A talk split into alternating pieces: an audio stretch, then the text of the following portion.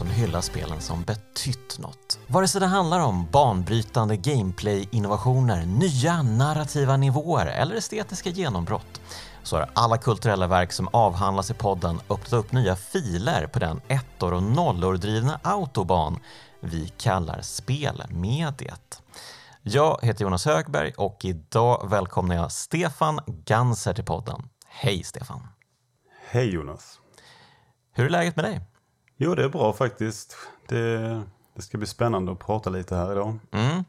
Eh, ja, du kallar ju dig själv för spelhistoriker och driver en hemsida som heter Gaming Alexandria. Där... Ja, jag är delvis... Eh, jag har, gjort själva utseendet på sidan. Sen har jag skrivit några artiklar. Men det, ja. idag är det främst eh, lite annat folk som, okay. som, som, som sköter det hela. Mm. Ja, men det var ju en jättehärlig eh, hemsida. Det finns ju scans från speltidningar, artiklar om obskyra spel, verkligen. Um, och det finns väl liksom en, um, en, en kamp för att liksom bevara spelhistorien som är liksom den drivande um, ja, men den, den drivande faktorn bakom det hela. du kan, kan liksom eh, berätta lite om hur det hela började? För du var med och designade sidan sa du. Ja, eh, själva sidan började först, eh, det var en kille som hette eh, Dustin Hubbard, tror jag han heter. Ja, han, eh, han hade den här sidan Gaming Alexandria där då han la upp sina scans som han höll på med. Eh, sen höll jag på med en sida där jag eh, la upp lite olika artiklar som var spelhistorierelaterade. Och så föreslog jag att vi skulle slå ihop det här lite så det blev eh, lite mer olika saker än hans bara scans och bara mina artiklar och sådär. Och sen eh, har det växt därifrån och det, det är ganska populär sida. Och, och, hans scans, han är ju väldigt känd inom communityt, alltså bevaringscommunityt för att han scannar mycket och sådär. Och jag skriver mest någon liten artikel då och då. Nu var det kanske tre år sedan sist men eh, ja. Mm. Jag är med där någonstans i... I periferin. Ja. Men eh, hur blev du intresserad av spelhistorien? Eh, jag har väl alltid varit lite intresserad av hur eh, spelen kom till och sådär. Jag minns specifikt en artikel i Nintendo-magasinet från 1992, något, något nummer där. där det, ja, det handlade om Shigeru Miyamoto då, hur han gjorde, hur Mario kom till och Donkey Kong och sådär. Och jag minns att jag var väldigt fascinerad över hur att kunna få läsa om, liksom, om, om någon som hade skapat spelen och sådär. Mm. Mina kompisar var aldrig riktigt inte så intresserade av det som jag var. Så att, eh, jag tyckte alltid att sånt var väldigt eh, spännande. Okej. Okay. Um, och du har ju en, en ganska fet bedrift på ditt CV. Det är ju att du har skrivit en, en hel bok om spelföretaget Sunsoft. Som dessutom ja. ska komma i två ytterligare delar. Ja, det blir en del till. En det del till? Bli, okay. Det skulle bli två, sen så bestämde jag mig för att slå ihop dem för att den sista delen kanske skulle bli så tråkig så att ingen skulle köpt den tänkte jag. Så ja. det var bäst att, att baka ihop dem. Eh. Men vi måste ju börja med det uppenbara. Eh, vem snöar in på Sunsoft? Ja, det, det, gör man inte riktigt kanske. Det var inte så att jag satt en dag och tänkte att nu ska jag snöa in på Sunsoft utan jag hade en podcast eh, där jag och en kompis pratade om fem spel i varje avsnitt och de hade lite ett tema och sen skulle vi prata om fem Sunsoft-spel och jag brukade då eh, historiskt intresserad som jag är eh, ja, leta upp lite information om företaget bakom spelen och kanske hur spelen kom till och sådär. Men så visade det sig att det fanns knappt någon information och det irriterade mig ganska mycket. Mm. Så det här avsnittet det fördröjdes länge och länge och sen så till slut så hittade jag lite information. Och sen råkade jag då komma i kontakt med några som hade jobbat på Sunsoft i USA. Kunde intervjua dem och så tänkte jag, då kanske jag kan intervjua några till. Och sen så fick, kom jag i kontakt med eh, Tomomi Sakai då, eh, som eh, bland annat har gjort gimmick och sådär på Sunsoft. Mm. Och sen nästa person och nästa person och nästa person. Och sen så Eh, sen bara fortsatte det så. Eh, och en dag så var det, kände jag väl att det var tvunget att den här informationen kan jag inte bara sitta på själv och så måste jag få ut den på något vis.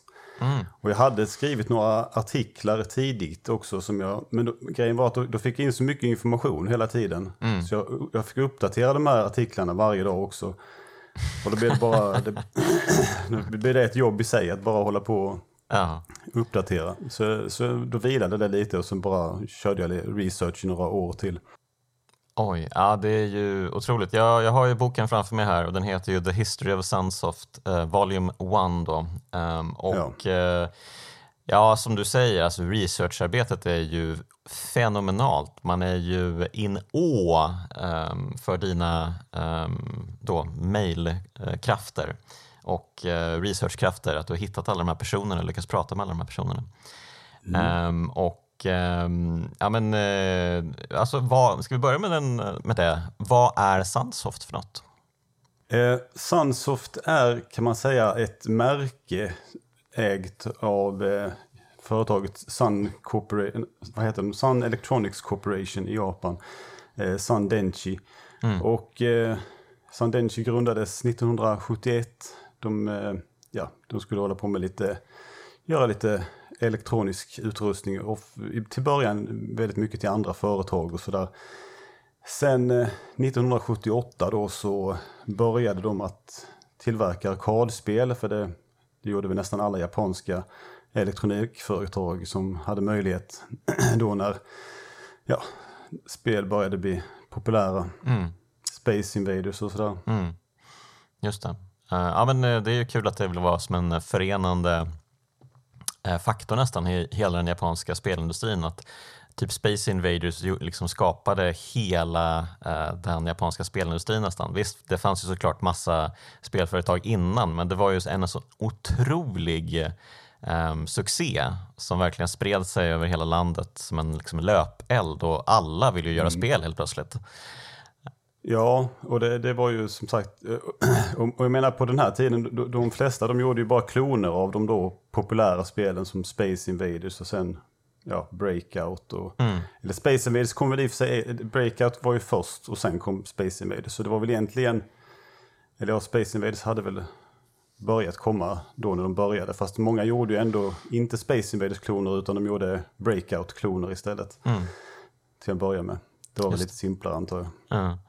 Ja, nej men alltså, det, det, är ju inte så jätteintressant i början ska vi säga, när de gör sina kloner och det är mycket arkadspel och eh, ja, eh, men eh, sen när de kommer igång och börjar göra spel till eh, Famicom, då börjar ju liksom den här liksom, eh, skaparandan verkligen blomma ut. Um, finns det några liksom, eh, vi kanske kan börja med, har du spelat alla Sunsoft-spel?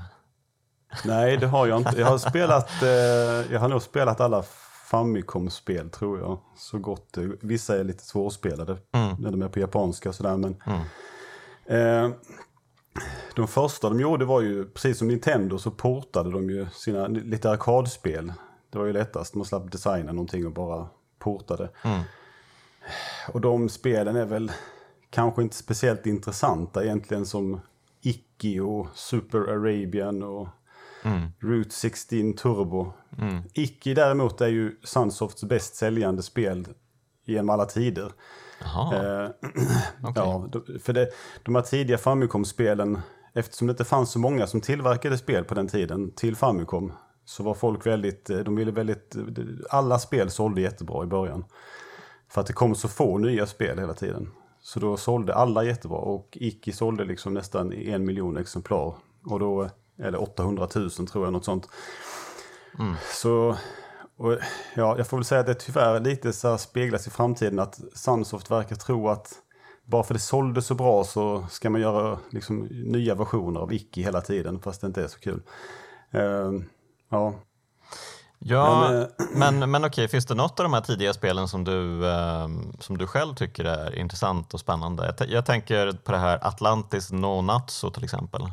Ja, det är ju lite... Det är ju det är känt för att vara ett väldigt svårt spel och jag har ju någon slags eh, hatkärlek till det. Mm. Jag kommer aldrig klara det. Man måste mer eller mindre ha en guide för att klara det. De, De vill liksom, nu ska vi göra ett spel som har jättemånga banor. Vi ska ha mer banor än Super Mario Bros. Super Mario Bros har ju, jag vet, vet inte hur många banor det har, men det är ju åtta världar med fyra banor. Nu är inte min matte så bra, men det är ju 32, 32 kanske. banor i Super Mario Bros. Ja. Ja. Vi ska göra mer banor än Super Mario. Vi gör 100 banor. Sen var ju kanske inte då, sen hade de lite tidspress. Eh, De hade inte testat det här så bra och eh, det blev liksom 100 banor som inte kanske var så alltid jättebra genomtänkta och spelmekanik som inte var så jättebra. Och sen varför inte slänga in mysterier hela tiden och svåra pussel som är halvt omöjliga att förstå om man inte kan läsa sig till dem. Okej. Vilket resulterade i att den guiden de släppte ungefär samtidigt sålde jättebra också för att kunde folk inte, de kunde inte klara spelet annars. Vad smart egentligen. Man ska göra omöjliga spel, då kommer folk köpa guiden. Mm. Nej, annars, så- annars av de tidiga spelen så tycker jag att, eh, ja, vad heter det nu igen? Det är något, eh, 52, Ja, Ja, jag jag håller på att bläddra i boken desperat här. 50, 53 Stations of the. Tokaido. ja, att jag ens kunde kom, inte komma ihåg det. Jo, men det, det är lite, det tycker jag är liksom det första originella spelet som är lite, lite roligt att spela. Fast det är i och för sig inte utvecklat av Sunsoft tror jag, utan av eh, eh, Tosse. Men eh, eh, ja, Ah, Sunsoft gav bara ut spelet. Ja, precis. De, de gav eh, TOS eh, några uppdrag att göra några spel för att liksom fylla ut. För att de inte själva hann producera så mycket spel där i början. Eh, Men det, det är lite intressant. Sen gjorde de några sådana här eh, äventyrsspel där man typ som är nästan som peka-klicka fast i första person. Sånt som är lite populära i Japan på den tiden. Just det, men det är väl först egentligen som när vi kommer fram till eh, Blaster Master som eh, liksom, de eh, börjar skapa sin egen identitet antar jag. Ja, det, det är väl det spelet man kan räkna som det första liksom, stora spelet på något vis. Eh, han som utvecklade spelet och designade det, han hade ju tidigare gjort ett spel som heter The Wing of Madola. Som har eh, potential fast det är svårt som fan och eh, ja, det går, jag, jag kommer inte så långt i det i alla fall. Men sen så skulle han då, fick han den här idén att han skulle göra ett spel med två olika perspektiv. Och eh, och det gjorde han och det blev Blastermaster, eller Metafight som det heter i, i Japan. och det, det är ju kanske... Det floppade ju i, i Japan, det var inte populärt alls. De förstod sig inte alls på att man skulle ha något sånt där spel med massa olika perspektiv och grejer. Utan de ville ju ha, det skulle vara liksom lite mer actionaktiga spel som i arkaden. Mm. Eh, Alltså när jag, när jag tittar på scansen här, visst eh, det är väl inte rasande snyggt men det är ju fortfarande väldigt snyggt för att vara ett tidigt eh, NES eller Famicom-spel. Ehm, Det har ju verkligen en säregen stil och speciellt den här mellansekvensen som det finns bilder på är ju otroligt snygg. Ehm, Så det märks ju att de börjar bli allt mer liksom, eh, ja, men, eh, duktiga på sitt jobb. Och Ja. eh, det är väl också här någonstans som eh, ehm, för att när jag tänker på Sunsoft så tänker jag ju på musik. Ja, just det. Det är ju framförallt musiken i Sunsoft-spel. Ehm, Mm, Det är ju många som tänker, men just det där med grafiken skulle jag ta med det. man hade precis eh, fått, det, de, han som gjorde eh, Blastmaster, han skapade en grafikeditor till en, en, som de började använda internt. Eh, först då till, eh, jag tror det var Fantasy Zone-porten till Famicom. Och eh, det- första han ritade nästan var ju den här, det var en, ett animerat hjul som blev hjulet till tanken i Blastermaster. Eh, och den här eh, editorn hittade, finns att ladda ner på internet. De hade några hittade den på en diskett. Och sen upptäckte jag det för några år sedan att den fanns där. Eh, Och så länkade jag vidare det till han som skapade Blastermaster. Så gjorde han en video när han ritade tanken och hur, han hade gjort den när han gjorde spelet. Oj, Så det var, wow, häftigt. Så det var ju lite kul. Men, eh, nej, så, men det, var ju, det var ju den här grafikeditorn som gjorde att helt plötsligt så blev grafiken liksom hö- höjdes upp ganska ordentligt där. Men, men alltså, du sa att editorn finns, alltså folk kan skapa egna Blastermaster-banor idag menar du? Nej, editorn är bara för grafik kan man säga. Ja, det är bara Den för liksom- grafik, okej. Mm. Det, det finns en, en map editor också, men den vet jag inte så mycket om. Men Mm. Den skapade han eh, samtidigt också. Så det, men det, den är liksom mer till för att själva, jag vet, jag är inte helt, helt insatt i det hela. Jag förstår. Men, Men, eh, eh, det var ju härligt att eh, det var liksom, de uppfann hjulet där. Liksom. För, innan dess gjorde man liksom mer att man satt och ritade ut grafiken på grafpapper och sen så programmerade man in och sådär. Och då är det inte lika lätt att se. Men om du har en editor där du kan liksom hoppa mellan frames och lätt ändra på saker så, så är det lättare att göra. Snyggare grafik helt enkelt. Mm. Eh, och eh, som jag sa till dig innan vi började spela in här så blev jag ju lite besviken på boken för att eh, den slutar ju precis när det göttiga liksom börjar för Sunsoft, när de liksom har sin gyllene era där. Ehm, Ja, precis. och det är väl framförallt den eran som jag också förknippar med Sunsoft-musiken. Spel som Batman, ehm, Gremlins 2, Journey to Silius. Oj, vilket bra soundtrack.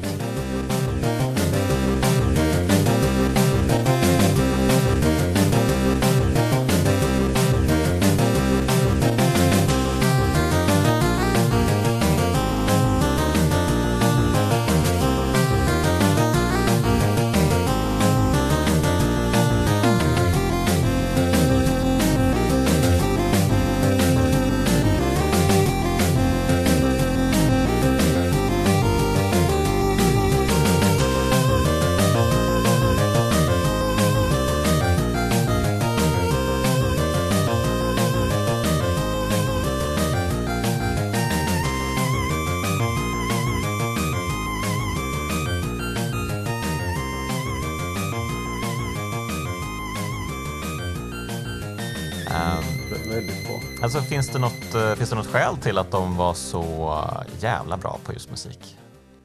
Ja, jag skulle säga att det börjar runt Festers Quest eh, när det släpps. Eh, eh, eh, och det är liksom ett... Festers Quest var ett spel som eh, en på Sunsoft i USA, han hade fått för sig att han ville göra ett, ett Adams Family-spel med med Fester i huvudrollen. Och det skulle då japanerna tvunget behöva stå ut med att göra. De förstod sig inte på varför ville han göra ett spel på den här uråldriga tv-serien från 1966. Det är helt meningslöst. Eh, och, eh, men ungefär vid den här tiden så börjar man anställa lite nytt folk. Man har redan innan också börjat anställa folk. Men nu börjar man anställa folk specifikt för spelutvecklingen. Innan så var det liksom in, ingenjörer som redan jobbade på företaget. Men då 85 när de började med Famicom-utveckling så började man eh, hyra in folk. Och runt där 88-89 så fick man in eh, några stycken programmerare som kom då att bli ganska viktiga för, eh, för musiken. Jag kan inte komma ihåg vad de heter just nu. Men, Eh, Naohisa Morota i alla fall, han hade jobbat där sen, sen tidigare, då sen tidigt 80-tal. Och han var, man kan säga, inte ljudprogrammerare men han, han kunde liksom, han eh, skrev in melodier, kunde han liksom föra in i spelen kan man säga. Ju- eh, Inte så mycket programmerare som han visste hur man skulle skriva in det i deras befintliga drivrutiner för musik och sådär. Så kunde han liksom eh, förvränga det och få det att låta bra. Och så anställde man även då två stycken eh, andra, Nobuyuki Hara och eh, Shinichi Seiya, som eh, blev de här eh, nästan legendariska ljudprogrammerarna på, på Sunsoft som, som jobbade hårt för att få maskinen att eh, låta som ingen annan hade fått den att låta förut, kan man säga. Och sen då till det så fanns kompositören eh, som, eh, som eh, han, hade, han hade börjat komponera till några av de här gamla arkadspelen redan i slutet av, eller mitt, precis början av 80-talet där. Eh, och eh, de var ju kanske inte, då var det ju mest liksom, inte så mycket egna kompositioner som att man tog lite befintliga eh, låtar som man får använda hur man vill och, eh, och sådär. Och använda dem lite. Men eh, okej, men har du själv något favorit-soundtrack från Sunsoft-spel? Ja, jag skulle vilja säga... jag gillar ju eh, Batman väldigt mycket som spel och sådär. Så det, det, det får jag nog säga att det sitter högt.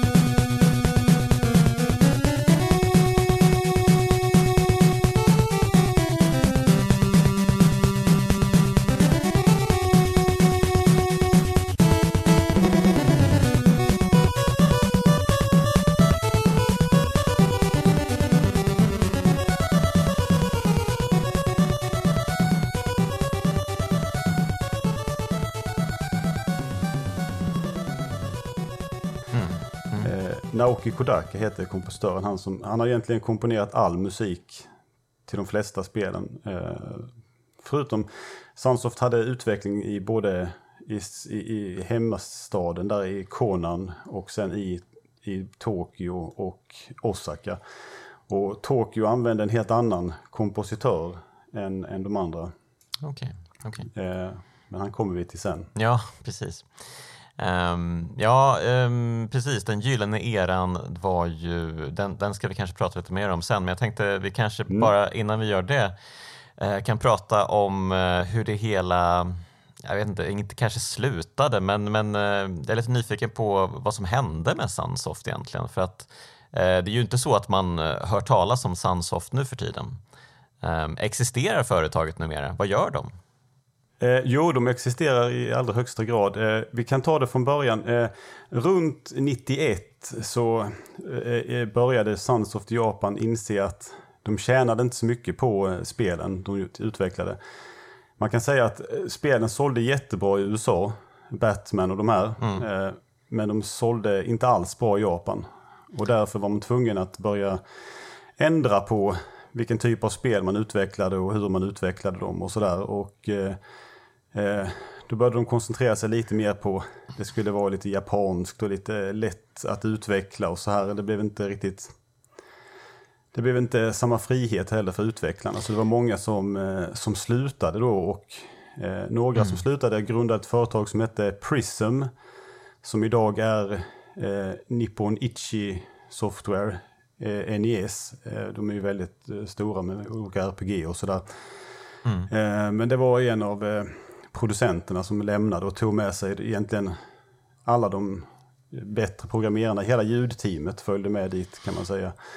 Eh, de här ljudprogrammerarna och mm, sådär. Mm. Så att, eh, och då, sen så har det liksom, sen till, gjorde de lite spel och sådär och de har alltid hållit på. Och sen så efter ett tag så började, det, det gjordes mycket Pachinko-spel till Playstation till oh, exempel. nej, okej. Okay.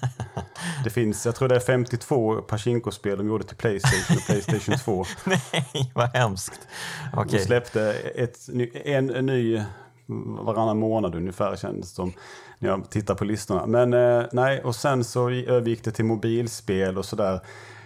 Och man utnyttjade inte riktigt sina gamla IPn. För jag tror inte, i Japan kanske de inte riktigt var, eftersom de inte hade sålt lika bra där så tror jag inte de, de brydde sig så mycket om det. Och sen 1995 så la man ner eh, Sunsoft i USA också. De eh, hade ju fått, det här 91 då när de slutade tillverka så mycket häftiga spel. Mm. Så, så var USA tvungna att själva börja få lite spel utvecklade och de skaffade licens till Looney Tunes och sen så hyrde man in i olika företag då till att eh, utveckla de här spelen åt dem. Och de sålde väldigt bra, det gick ganska bra tror jag för Sunsoft i USA men sen så av olika omständigheter så i början av 1995 så var man tvungna att eh, stänga ner och sparka allihopa.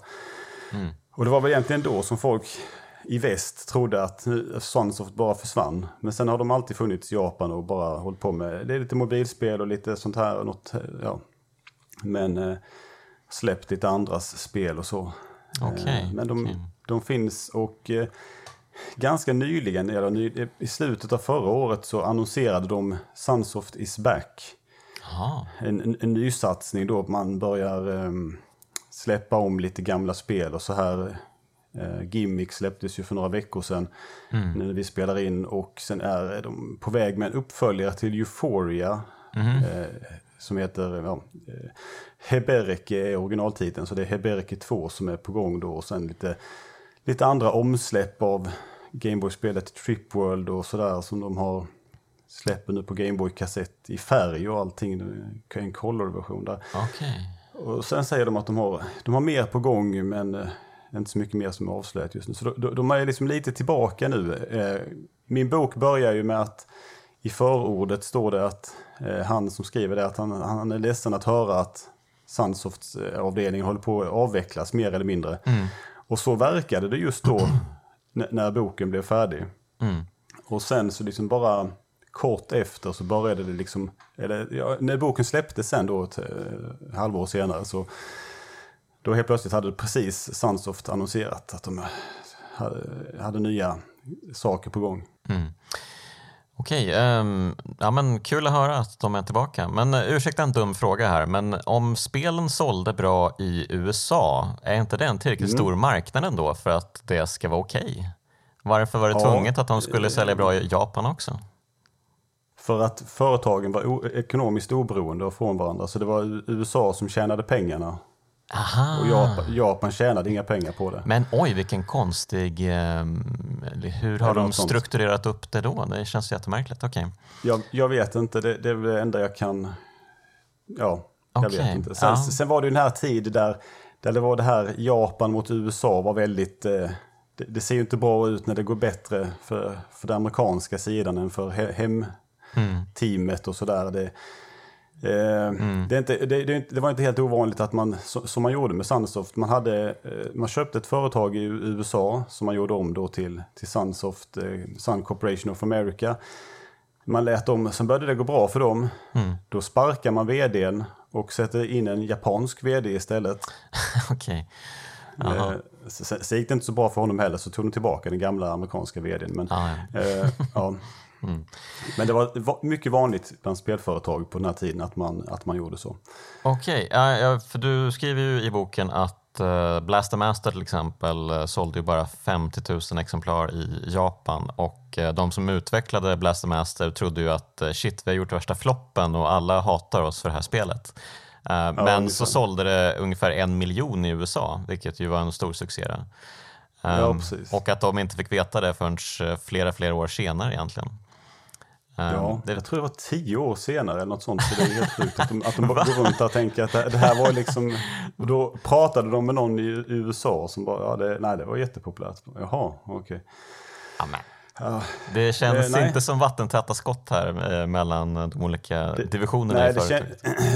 Ledningen i Japan måste ju ha vetat att det sålde bra i USA. Så att, men att man inte sa det, det vet jag inte varför man inte...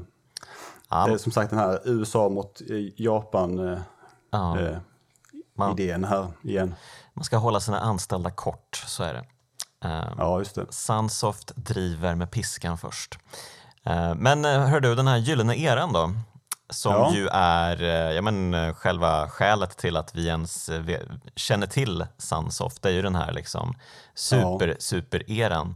Och du sa ju själv att uh, ditt uh, favoritspel kanske är Batman då, men uh, mm. jag antar att du gillar de andra spelen också. Det är ju kanon, ja. kanongrejer egentligen som de ja. gav ut där. Liksom bara bam, bam, bam, bam. 88 till 91 typ så var det ju bara mm. toppspel hela tiden från Sunsoft. Ja. Um, ja, de, de jag spelade var ju Batman och, och Gremlins 2 mm. till, till NES då. Och sen så Batman till Gameboy gillade jag också väldigt mycket. Men sen spelade jag inte Journey to Silius och, och sådär sen. Eh, men eh, mm. man kände ju till dem. Sen kom ju de sista där var ju Euphoria the Saga och, och, mm. ja, och Gimmick då. Mm. Och även Batman Return of the Joker var väl ja, just det. hyfsat kul. Det, det, är roligt för att uh, Sunsoft är faktiskt en stor del av min egen barndom för att just mm. Journey to Silius, Batman 1 och Batman 2 eh, spelade jag otroligt mycket när jag var typ eh, 11-12. Så det är verkligen eh, mycket varma eh, känslor för just Sunsoft här. Och mm. Eh, musiken har ju verkligen gått på pränt uppe i huvudet sedan dess. Ja. Um, ja, det, det, var, det är intressant hur de, just under den eran så var de ju kanske topp tre, fyra, både, både liksom gameplaymässigt, grafikmässigt och musikmässigt. Och sen så, sen så sålde inte det tillräckligt bra i Japan och då liksom försvann de nästan helt och hållet. Mm. Det, Mm. det är spännande, men eh, folk verkar ju komma ihåg dem ändå. Ja, och eh, vi, vi har ju alla fått eh, anledning att minnas Sunsoft lite extra nu i sommar. För som du har varit inne på så släpptes ju Gimmick på nytt till moderna konsoler. Eh, helt otroligt egentligen. Eh, att eh, det obskyra spelet får en release, eh, liksom, vad blir det, 20 år, 25, 20, nej, nästan 30 år senare. Um, Mm. Helt sjukt Det, är egentligen. ju, det släpptes ju 92, Mm. så det är ju...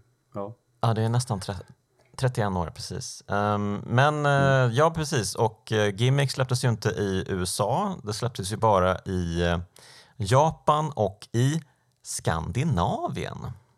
Mm. Det här är ju en mycket intressant historia.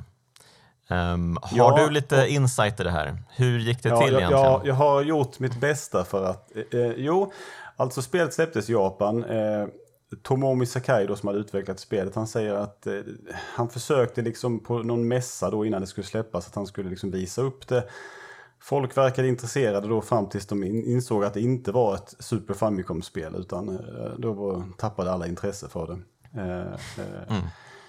och, men det släpptes ju i Japan och sålde inte så bra där heller. Men sen i, i, på Sunsoft i USA så ville de, eh, fanns en producent, spel, han, jag vet inte, kommer inte ihåg hans titel, game manager, eh, som hette David Siller. Och han tyckte att de här lite nya häftiga eh, NES-spelen med som hade lite chip i sig som gjorde att spelen kunde göra lite mer än vad de tidiga spelen, han tyckte de kunde släppas. Men ledningen på, ville helt och hållet satsa på eh, Super Nintendo eh, och därför släpptes det inte. Men, men, men både Euphoria och eh, Gimmick, eh, eh, liksom, de gjorde ju amerikanska versioner av spelen. De gjorde ju ny grafik och allt det här i båda två, ändrade lite grafik och ja, sådär. Mm. Men eh, de lokaliserade dem, men sen så bestämde de sig för att inte släppa dem.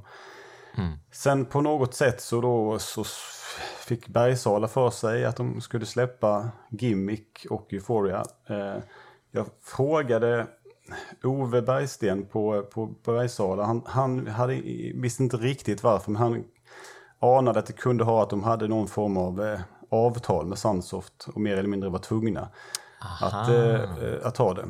Och det har väl sagts att man antagligen tog in 5000 exemplar, vilket i så fall var minimum. Och det skulle ju också eh, gå ihop med det då, att man tog det minsta antalet man, man behövde ta och sådär. Mm. Eh, och så släpptes det. Så fick väl då Sunsoft göra någon PAL-konvertering där, vilket man gjorde ganska snabbt tror jag. Ja, just det. Eh, Det är ju mer liv i eh, Skandinavien-versionen har jag läst mig till. Ehm, att det är dubbelt så många eh, liv. Åtta mot fyra den japanska versionen. Ja, något sånt är det. Och eh, jag, jag, det, det där med liv, jag frågade Tomomi Sakai om liven och han sa att eh, det var ju, det, var det, hem, det lät inte som han tyckte det var så kul. Att, eh, att det- Spelet att- är svinsvårt och han bara, fan det borde varit mindre liv. Han tycker tre, nej, tre liv tror jag det var till och med. Det var tre, Tre, okej. tre, Ja. tre liv och sen sju i, i, i Skandinavien-släppet. Han tyckte att tre liv, det räcker. Han ville ju, han ville ju inte ha continuous heller. Det var ju ledningen som tvingade honom att lägga in det. Alltså vilken kille, wow, okej. För Ehm, vi kan ta det i spelet, man, man, på varje bana kan man ju samla en skatt. mm, Och för att kunna komma till den sista, riktiga, sista banan så måste man samla alla skatterna utan att dö. mm. Eller utan att ta continue. Och det, grejen var den att, det, att, du, att får du, tar du continue så, så försvinner skatterna du har tagit innan. Mm. Och det var ju hans då straff för att han var tvungen att lägga in continuous. Åh fy fan alltså. För att spelet fortfarande skulle vara så som han ville ha det. Men eh, låt oss ta det här från början då. Där Mr Gimmick Ja. är ju, eller Mr Gimmick säger jag, men det, det heter ju Mr Gimmick här i Skandinavien. Ehm, Ja. Men det heter bara Gimmick i Japan. Och Ja. jag har funderat lite på eh, Gimmick, jaha, vad, vad är För att ehm, jag trodde först att uh, Mr Gimmick, okej, men då figuren heter Mr Gimmick. Men sen har jag läst Mm. mig till att nej, eh, figuren heter Yumetaro. Och, ja. och eh, var, var, var, kommer gimmick ifrån? Är det bara att eh, det finns en gimmick i spelet, det här med stjärnan? Är det det som är gimmicken? Jag fattar inte. Eh, gimmick beskriver världen som Yumutaro kommer till, att det finns gimmickar i det här antagligen. Sen vet jag inte riktigt om japaner använder ord lite olika med såklart, men, ja. men det är så han beskriver det. Det, det, det, det, det ordet ska beskriva världen helt enkelt. Okej, okay. ja. Ja, men eh, spännande. Hur som helst, eh, det handlar ju då om eh, en grön liten blob. Eller hur skulle du beskriva Yumetaro? Han är ju något form av, han är ju liksom ett gosedjur kan man säga. Ja, eh, ja. ja ska vi, storyn är ju att en, en flicka får Yumetaro i födelsedagspresent. Eh, och eh, hon eh, leker mest med honom nu. Hennes gamla leksaker, de får ligga i sin låda. Eh, och de här gamla eh, leksakerna, de blir, de blir lite avundsjuka. Och det här utnyttjar då en en ond människa som eh, får dem då att kidnappa eh, flickan och ta henne till den här gimmickvärlden. Så man kan säga att det är ett eh, Evil Toy Story det här?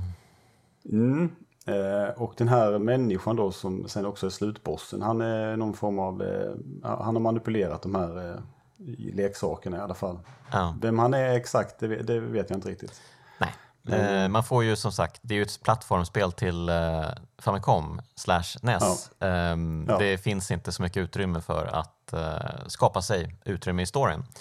Så att, nej. nej. men det enda vi behöver veta är att Yumentaro måste självklart rädda den här flickan. Och han, mm.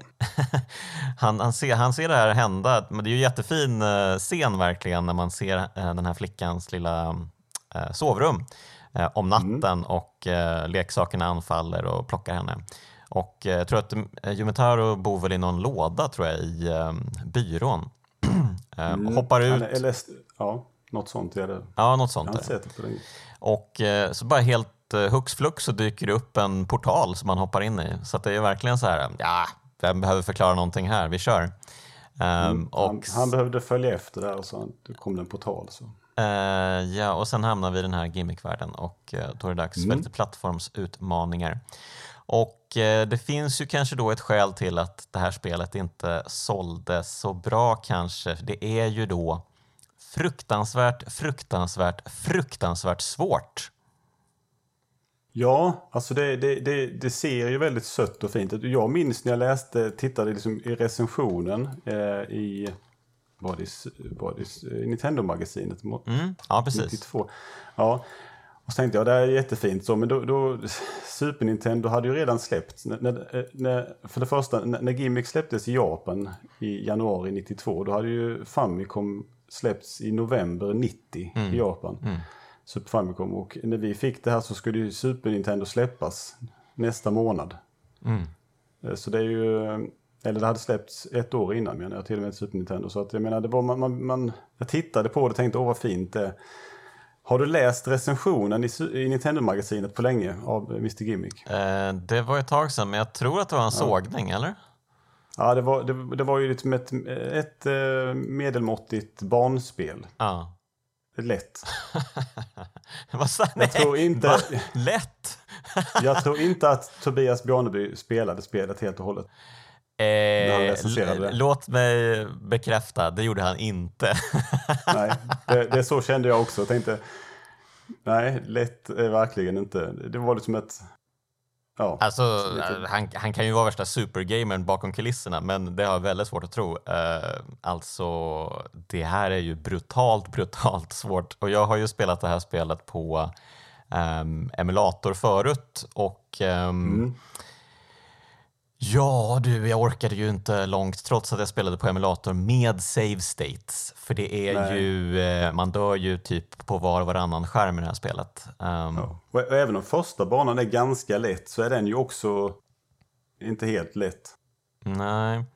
Nej, precis. Men första banan går väl hyfsat uh, enkelt att klara. Men sen så bara, mm. det trappar ju upp som en, uh, det är ju världens brantaste liksom uh, berg man ska försöka besegra. Um, Och eh, ja, det är ju verkligen fantastiskt märkligt och eh, spännande för att det finns ju då en specifik eh, speldesignmekanik i det här spelet som eh, Ja, men den är ju briljant, det måste ju sägas. För den, den här Jumetaru har ju då möjligheten att eh, om man trycker på en knapp så kan han ladda upp en stjärna som han liksom ploppar upp ovanför hans huvud.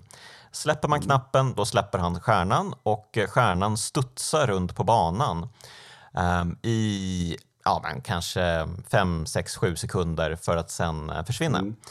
Uh, ja. Och om man lyckas hoppa upp på stjärnan medan den studsar runt då kan man ju använda stjärnan som en sorts extra rörlig plattform och på så sätt ta sig till helt nya platser på banan. Och det är ju verkligen ett, eh, en briljant idé. Det är ju otroligt, otroligt snyggt. Um, och uh, det är väldigt häftigt när det väl lyckas, när man får till det, man lyckas skutta upp på den, för det är ju väldigt svårt att göra också. Man vill ju helst mm. ha liksom en vägg som man kan studsa stjärnan mot så att man sen hinner hoppa upp på den. För om man bara släpper den och försöker jaga efter stjärnan, det går ju inte för den bara pff, rusar iväg. Um, man, och, och sen så är det ju det här med att om du själv springer samtidigt som du släpper stjärnan så får ju stjärnan eh, mer hastighet också. Det är liksom, den ökar ju i hastighet och det, det är en, mm. en viss fysik som Sakai han lyckades programmera in i det här spelet. Samma som när du står i en backe och så liksom, du, du springer mm. ju snabbare ner för en backe och saktare upp för en backe och mm. sådana här saker. Ja, men det var ganska unikt. Ja, verkligen. Det är ju superimponerande.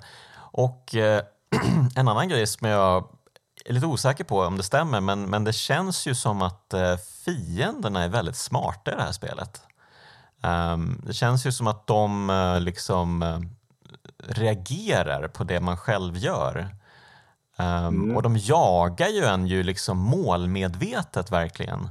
Um, så det känns ju som att det finns en typ av extremt begränsad men ändå en, en AI i finerna som verkligen uh, liksom uh, är ondskefull. som... Ja, de är ju inte en, de är inte en Goomba som bara går fram och tillbaka precis. Nej. De, vissa, de är väldigt så här specifika och ibland vet man inte riktigt hur man ska hantera en boss till exempel. Varför, varför rör han sig så här? Utan det är liksom, mm.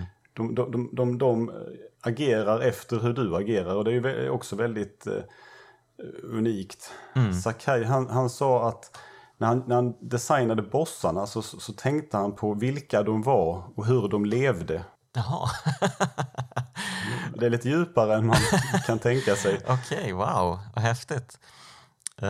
Han, eh, man ska också säga att äh, äh, Sakai han, äh, han började på Sunsoft 1987. Mm. 19 år gammal, direkt efter studenten. Sen fick han vara med och vara någon tredje programmerare på Spy Hunter. En ganska dålig portning av arkadspelet. Mm.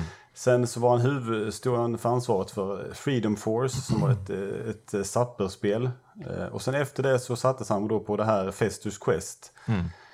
Som man hatade över allt annat. Eh, eh, och sen så, han såg till att spelet blev klart två månader innan deadline för att han ville bli av med det. Ah. Och därav, därav är spelet inte helt färdigt för de hann inte få med sina sista... De ville ändra lite på slutet men det, då hade de redan börjat producera för att Sakai såg till att men då 89, efter, precis efter det då började han jobba på Gimmick. Som då sen släpps 92. Så han jobbade i över två, tre år på det här spelet. Herregud. Och på den här tiden så gjorde man ju nästspel på typ ett halvår. Det, ett år. Eh, ett halvår var det nog tidigt där, de första Famicom-spelen. Sen, så blev mm. det, ja, sen blev det ungefär ett år. Men tre år är verkligen... Men då fick han och eh, han som gjorde grafiken mest sitta och jobba med detta i, i tre år. Vilket då såklart är... Eh, det var ju snällt av dem, skulle jag säga. ja, men helt otroligt ju. Um, för att sen verkligen få pyspunka på det hela då vid själva släppet och uh, de dåliga försäljningssiffrorna. Ja, hade det släppts två år tidigare så hade det ju antagligen blivit mycket mer populärt. Men då hade ju inte spelet varit färdigt heller antagligen. Så att, um... Nej, man märker ju att det är ett extremt väldesignat spel och eh, det är ju som du säger också det här med grafiken, den är ju otroligt snygg. Um, det är ju absolut ett av de snyggaste ehm, Famicom slash NES-spel jag spelat. Det är ju verkligen otroligt vackra färger och former och otroligt mm. smidiga animationer. Um, det finns ju, alltså det är ju verkligen peak uh, den plattformen får man ju verkligen säga. Ja. Det, det, var Hiroyuki Kaguya som gjorde, musik, eller gjorde grafiken. Jag tror han också gjorde grafiken i mycket i Blastermaster. Mm. Uh, ja. ja. men och, och sen det här att det finns så mycket för just power gamers i det här spelet. Uh, det här med stjärnan gör ju såklart att det är ju svinsvårt för en vanlig människa att försöka lära ja. sig och liksom okej okay, Aha, på första banan så kan man liksom ta sig upp ovanför direkt liksom den här första skärmen man, man befinner sig på. Om man lyckas mm. Eh, studsa stjärnan mot en vägg och liksom hoppa upp på plattformar mm. liksom och ta sig fram till den här um, extra föremålet som finns på den banan. Uh, men på andra banan, om man, det här har inte jag lyckats göra, jag bara kollade på det på Youtube, men om man är en power gamer använder stjärnan på rätt sätt, skuttar fram som en galning på, för det är ju liksom ett sjörövarskepp som andra banan Aha. utspelar sig på. Eller man, man tar sig fram till ett sjörövarskepp. Um, och då skuttar man ju på, då kan man skutta på kanonkulorna som, som sänks från mm. skeppet. Uh, och på så sätt ta ja, det... sig upp till skeppet snabbare och ta sig till bossen på liksom, rekordtid. Och då sover bossen. Och ja, då kan man helt enkelt putta ut bossen. Det är ju ja. det är otroligt. Vilken, eh, ja. det är ju en briljant idé verkligen. Vem kom på är det, det här? Så att det är, någon, är det inte en väckarklocka där som ja. antar då är en timer? Exakt, att... det finns en väckarklocka där. Bossen, ja. bossen liksom gör sig redo för uh, Yumetaro. Ja, men jag kan ta en tupplur, det är lugnt. Det kommer ta ja. lång tid att komma hit. det ingår väl i det här eh, Sakais här, nästan levande världen han ville skapa och sådär. Det är jättemärkligt att man har med sådana saker. Och... Mm. Eh, ja, nej, det finns en ja. grej med den bossen också att när han dör så tappar han sitt svärd. Mm. Och sätter den, eh, den kan sätta sig liksom i, i, i golvet. Mm. Men är det en metallgrej där den trillar av så, så sätter den sig inte utan trillar, trillar väck. Shit. Sådana såna märkliga små detaljer. Men, ja, eh, oh, gud. Man älskar ju sånt. Eh, när de verkligen har maxat eh, ett Eh, på ytan väldigt okomplicerat spel och liksom tillfört sådana extrema liksom, komplikationer um, som man kanske inte ens märker själv. Det är ju fantastiskt. Uh, älskar den typen av uh, spelutvecklande. Um, mm, uh, jag vet inte, har du, har du spelat om det nu? Eller liksom, har, du någonsin, har du någonsin klarat det här spelet? Alltså jag, jag har ju klarat det, inte det bra slutet så att säga. Utan jag har ju bara spelat igenom och, klarat, mm. ja, inte tagit alla skatterna och inte fått sista, sista banan. Utan jag, jag nöjde mig där för att eh, för vissa av de här skatterna, det, då måste man ju vara jättebra på den här stjärnan. Mm. Och, och, jag är glad om jag kan hoppa upp där på kanten på första banan så jag kan komma upp och ta första skatten. Sen så visst, några av de andra skatterna behöver man inte stjärnan till. Men vissa där ska man ju göra de mest eh, fantastiska akrobatiktricken som existerar med den här stjärnan mm. för att ens komma i närheten av. Så det, det, har jag bara sett på Youtube också. Så att, eh, mm. Ja, men det, det, är samma här. Jag, jag, klarade spelet utan att komma till sista världen. Uh, för det är ju nästan omöjligt att ta de där skatterna. Um, och uh, det är lite synd, för det ser ut som att uh, den sista världen är ganska ball. För att Eh, först och främst, det finns ju en världskarta i spelet och den är ju precis som allt annat otroligt vacker verkligen. Det är mm. ju som en eh, det ser ju ut som Aha. Eh, en svävande värld liksom. Lite som mm. jag vet inte, Peter Pans Neverland liksom, som väntar där med tanke ja, på att det är ett sjörövarskepp då, um, som, mm. som ligger i bukten. Uh, så finns det vid vattenfall, det finns en djungel och sen så finns det något uh, torn um, där en magiker huserar. Då. Um, och um, ja, massa fighter mot den här magikern och hans uh, underordnaden. Um, och lyckas man spöa den bossen och tagit alla skatter, då sänks liksom från ovan ett uh, jättefint prinsesslott typ ner över som man får en bro ja, över och kan hoppa upp på. Och sen kommer man ju då till den här slutbossen som ju är, som du var inne på, det är ju en människa. Och det är ju väldigt specie mm. speciellt att slåss mot en människa i den här sagovärlden. För den här personen är ju jättestor jämfört med allt annat och den har ju såna otroliga animationer. Alltså mm. jag är så otroligt imponerad. Jag har aldrig sett maken till eh, de här animationerna som den här människobossen har. För den gör ju såna um, krumbukter, är så vig och hoppar och skuttar och den, liksom sn ja. den snubblar på marken och håller på. Det, det är liksom det är en, det är en jävla uppvisning i hur eh, NES-animationer kan alltså vara helt överlägset allt annat känns det som. Um, verkligen otroligt, otroligt vackert. Även om man spelar Mr Gimmick och eh, precis som alla andra då inte kan klara spelet till fullo så rekommenderar jag verkligen att kolla den här sekvensen på Youtube för det är verkligen sinnessjukt snyggt. Det, att, att, man gömmer en med en grej bakom någonting som är så svårt. Det är ju, jag, jag antar att när man har hållit på med att utveckla ett spel i tre år så kanske inte spelet är så svårt. Men, eh, ja, är det sant? Nej. Just det. Ja, man, man undrar ju hur mycket Q&A de hade på det här spelet. Hur många testpersoner som spelade spelet i omgångar. Ja. Ibland, Sakai, kan känna att han kanske inte liksom släppte in folk så mycket till att eh, påverka hans eh, älskade spel. Mm. Han sa till mig att han hade, han hade, ute, han hade bara med en eh, tiondel av alla idéer han hade till spelet. Mm. Resten fick han överge för att vi fick han inte klämma in. Men det, det, ja, det är ett väldigt eh, spännande spel. både tekniskt liksom och estetiskt är det ju väldigt imponerande för mm. NES. Sen samtidigt så är det så jättesvårt. Det, man har svårt för att egentligen tycka att det är jättekul att spela. Ja men så är det ju verkligen. Det ska ju verkligen sägas att eh, på alla sätt och vis så är det ju liksom ett tekniskt eh, mästerverk, Mr Gimmick. Men man kan ju också fråga sig om tekniska mästerverk eh, är så pass fantastiska när de är för svåra. Det är ju verkligen en fin balansgång det där. Um, ja. Och jag, jag, är väl lite inne på samma mm, tankegång som dig där. Um, jag vet att uh, Carl Johan Johansson älskar det här spelet. Uh, han skrev ju en artikel om det i Level mm. i motslutet av Levels uh, levnad där. Jag tror till och med sista, ett av de sista numren kanske till och med.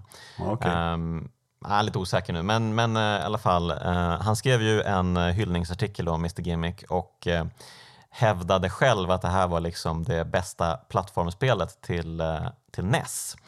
Eh, vilket jag med bestämdhet vill eh, kombatera här. det är det ja. inte. Nej, det, det, är ett spel man, man beundrar på avstånd helst. Ja, eh, absolut. Det är ehm. liksom... Eh, nej, det, det, det, är liksom vackert och fint och musiken låter bra. Och, musiken är jättebra. Musiken är eh, fantastisk. Och här använde man inte då den här eh, förre kompositören utan eh, han tog den eh, Tokyo-kompositören Masashi Kageyama istället. För han tyckte han gjorde bättre musik helt enkelt. Så, så fick han komponera de här melodierna.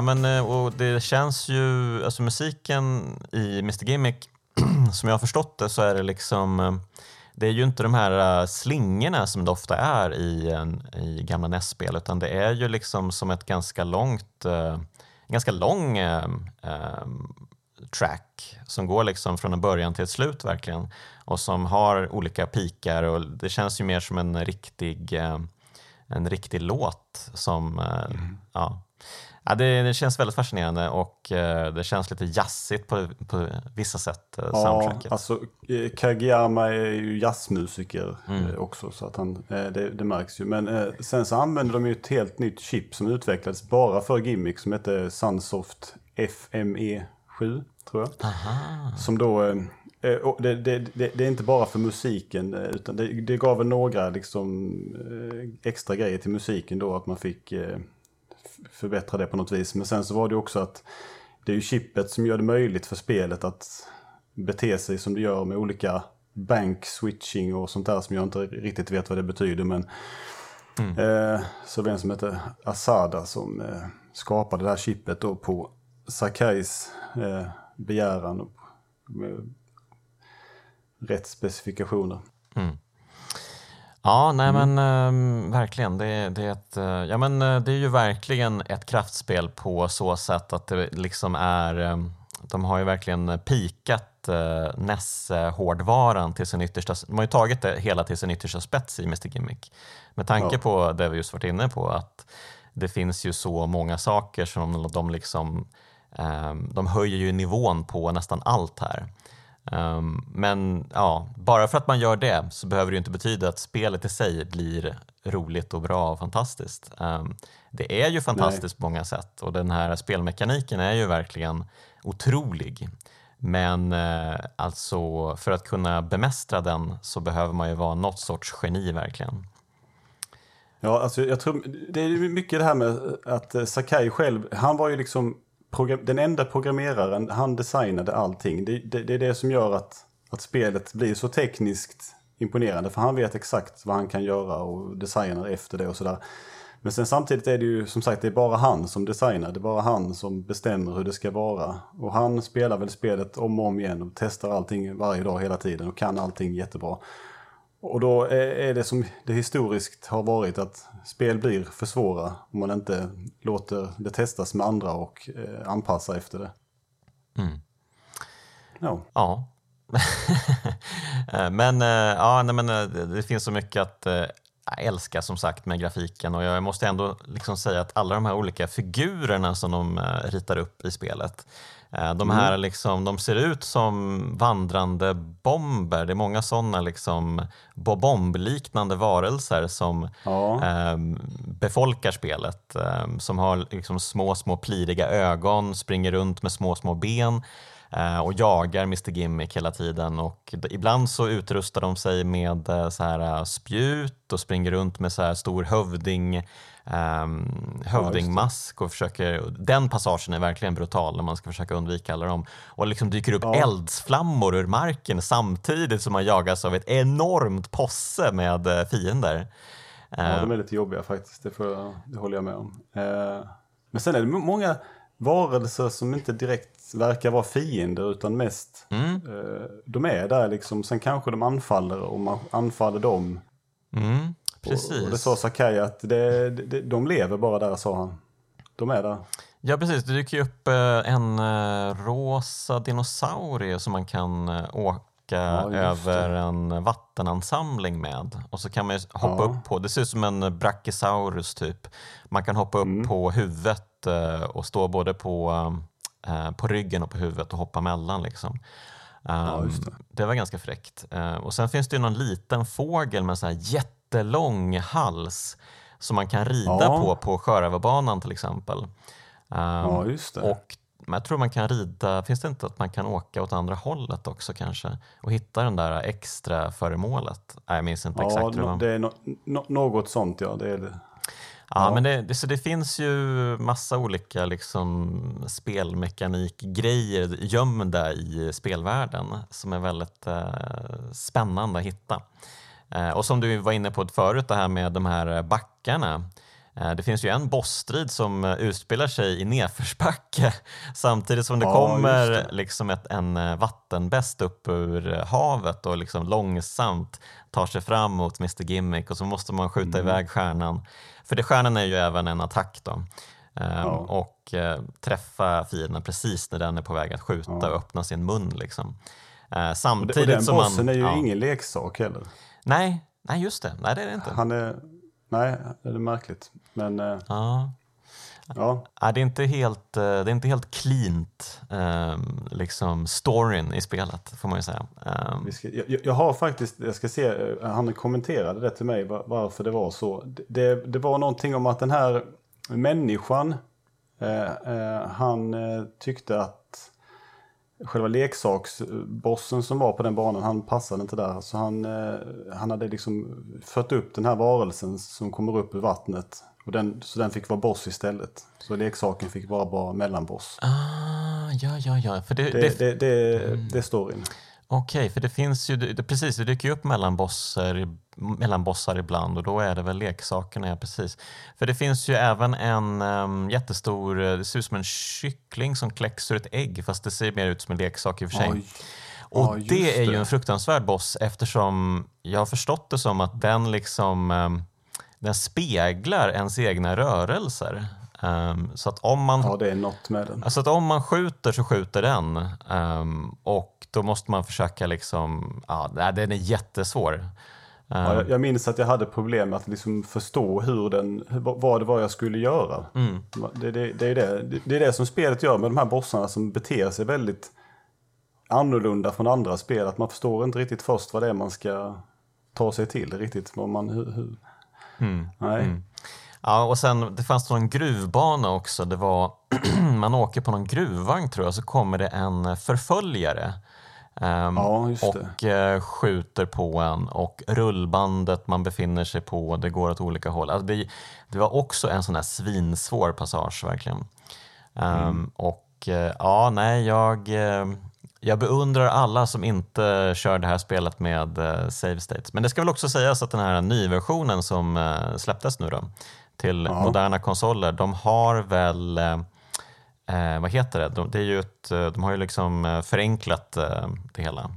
Så det, Ja, jag tror man kan väl spola tillbaka och sådär till och med. precis, Och man kan spola tillbaka. Mm. Och det, spara och sådär. det är ju helt underbart, verkligen. Fantastiskt. Jag skulle nog också, alltså jag, jag brukar vara lite emot sådana funktioner men i, i, gimmick så kan jag förlåta det faktiskt. Om man vill se hela spelet speciellt. Ja, ja verkligen. Ehm, ja, nej men eh, verkligen ett, eh, en um, tour de force får man ju säga att Mr Gimmick är. Ehm, Mm. Men eh, jo, jag förstår också varför det inte sålde något. Ehm, det, det kan inte bara, Det det visar- kan inte bara det- vara svårt, det måste vara kul också. Ja. Men det visade lite att det fanns lite liv kvar i NES ändå. Man hade kunnat Mm. göra lite andra häftiga spel om man inte satt och grävde ner sig i ett, tre år och, i sin egen fantasivärld och, Ja, precis. som han gjorde. Ja, det är sant. Men nu, eh, nu ges det ju ut, eh, det ges ju ut NES-spel än idag eh, eftersom folk älskar att just programmera spel till NES med de begränsningarna och det är ju fantastiskt. Det kan man ju bara vara, eh, det kan man ju bara tycka, keep doing that shit. Det är underbart, Ja, underbart. Jag, jag har fixat lite med sån där grafik och sånt till NES och hållit på och testat lite. Och att, att de får till spel som ser ut som de här till exempel och vissa andra sena NES-spel. Det är helt fantastiskt hur de, hur de lyckades. eh. Mm.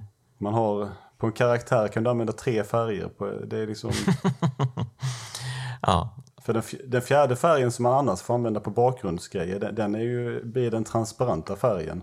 Så Mm. att därför får du bara tre. Eh, Och det blir, då får man tänka efter lite. ja, Och det gjorde de med Gimmick. ja, i tre år. Ja, han hade tid på sig. Ja, fantastiskt. Eh, Men om du ska försöka sammanfatta det här då, varför tycker du att Mr Gimmick är ett kraftspel? Det är väl just för att det, det, det var så... Det är liksom ett tekniskt mästerverk. Men sen är det då som vi sa samtidigt eh, lite, lite för svårt. Men det är många spel som är svåra i och för sig. Mm, eh, mm. så kan man leva med det och så är det ett väldigt... Eh, det, det är en fantastisk värld att ta sig igenom när man väl har kommit igenom det. Sen kanske man inte ser sista banan då, men det kan man ju leva med, antar jag. De flesta får leva med det helt enkelt. Mm. Eh, men jag tycker ändå att man ska spela igenom det så gott man kan och uppleva den här fina grafiken och märkliga varelserna och väldigt bra musiken. Mm. Och eh, definitivt, när ni väl har gjort det så måste ni se eh, det riktiga slutet, sista banan och den där sista bossen. För det, det kan nog faktiskt vara det mest imponerande som har gjorts till, eh, till NES Famicom. Mm. Mm. Ja, men eh, när kommer nästa del då i The History of Sunsoft? Oj, eh, jag hoppas i slutet av eh, 2024. Okej. Okay. Jag jobbar på det, Aha. men eh, det har, det har gått lite sakta. Det, var, eh, det tog mycket på kraften att skriva klart den första boken. Men det, det, är ganska mycket klart av den andra boken just nu faktiskt, eh, skulle jag säga. Så att, jag tänkte jag tar, jag tar i lite här i slutet av året så ska det nog vara klar till början av nästa år. Sen så tar det väldigt lång tid innan de har tryckt. Alltså från att man skickade in den färdiga boken så tog det åtta månader innan den släpptes. Ah, okay. Så det tog lite tid. Eh, ah. Men det kanske går snabbare nu andra gången. Men eh, nästa år i alla fall, sista halvan nästa år ah. hoppas jag. Mm. Men är du själv eh, nöjd med Volume 1? Ja, förutom vissa små eh, missar i eh, redigeringsarbetet. Så där. Jag gjorde först boken i ett open source-program, sen så ville de inte använda det. Så då byggde de om hela boken i ett annat program. Och då gjorde de lite klipp och klistra-misstag och sådär. Men eh, sen är det, finns det några faktafel kanske. In, in, ingenting eh, jättefarligt. Så jag är överlag nöjd med det. Mm. Förutom då att det kanske inte är så mycket kul spel det handlar om. ja, det är klart att jag, jag borde ju liksom rekommendera alla att uh, springa och uh, köpa The History of Sunsoft Volume, Volume 1. Men uh, jag kan ju nästan tycka att det är värt att vänta på Volume 2 för att där kommer mm. de göttiga grejerna. Men jag tyckte att det var väldigt intressant att läsa specifikt om just Famicom-eran där och hur allting kom igång ja. för Sunsoft, det ska sägas. Ja. Ehm, ja, men eh, stort tack Stefan för att du var med i Kraftspelen. Tack själv för att jag fick vara med och prata lite Sunsoft. Det var länge sedan. Mm.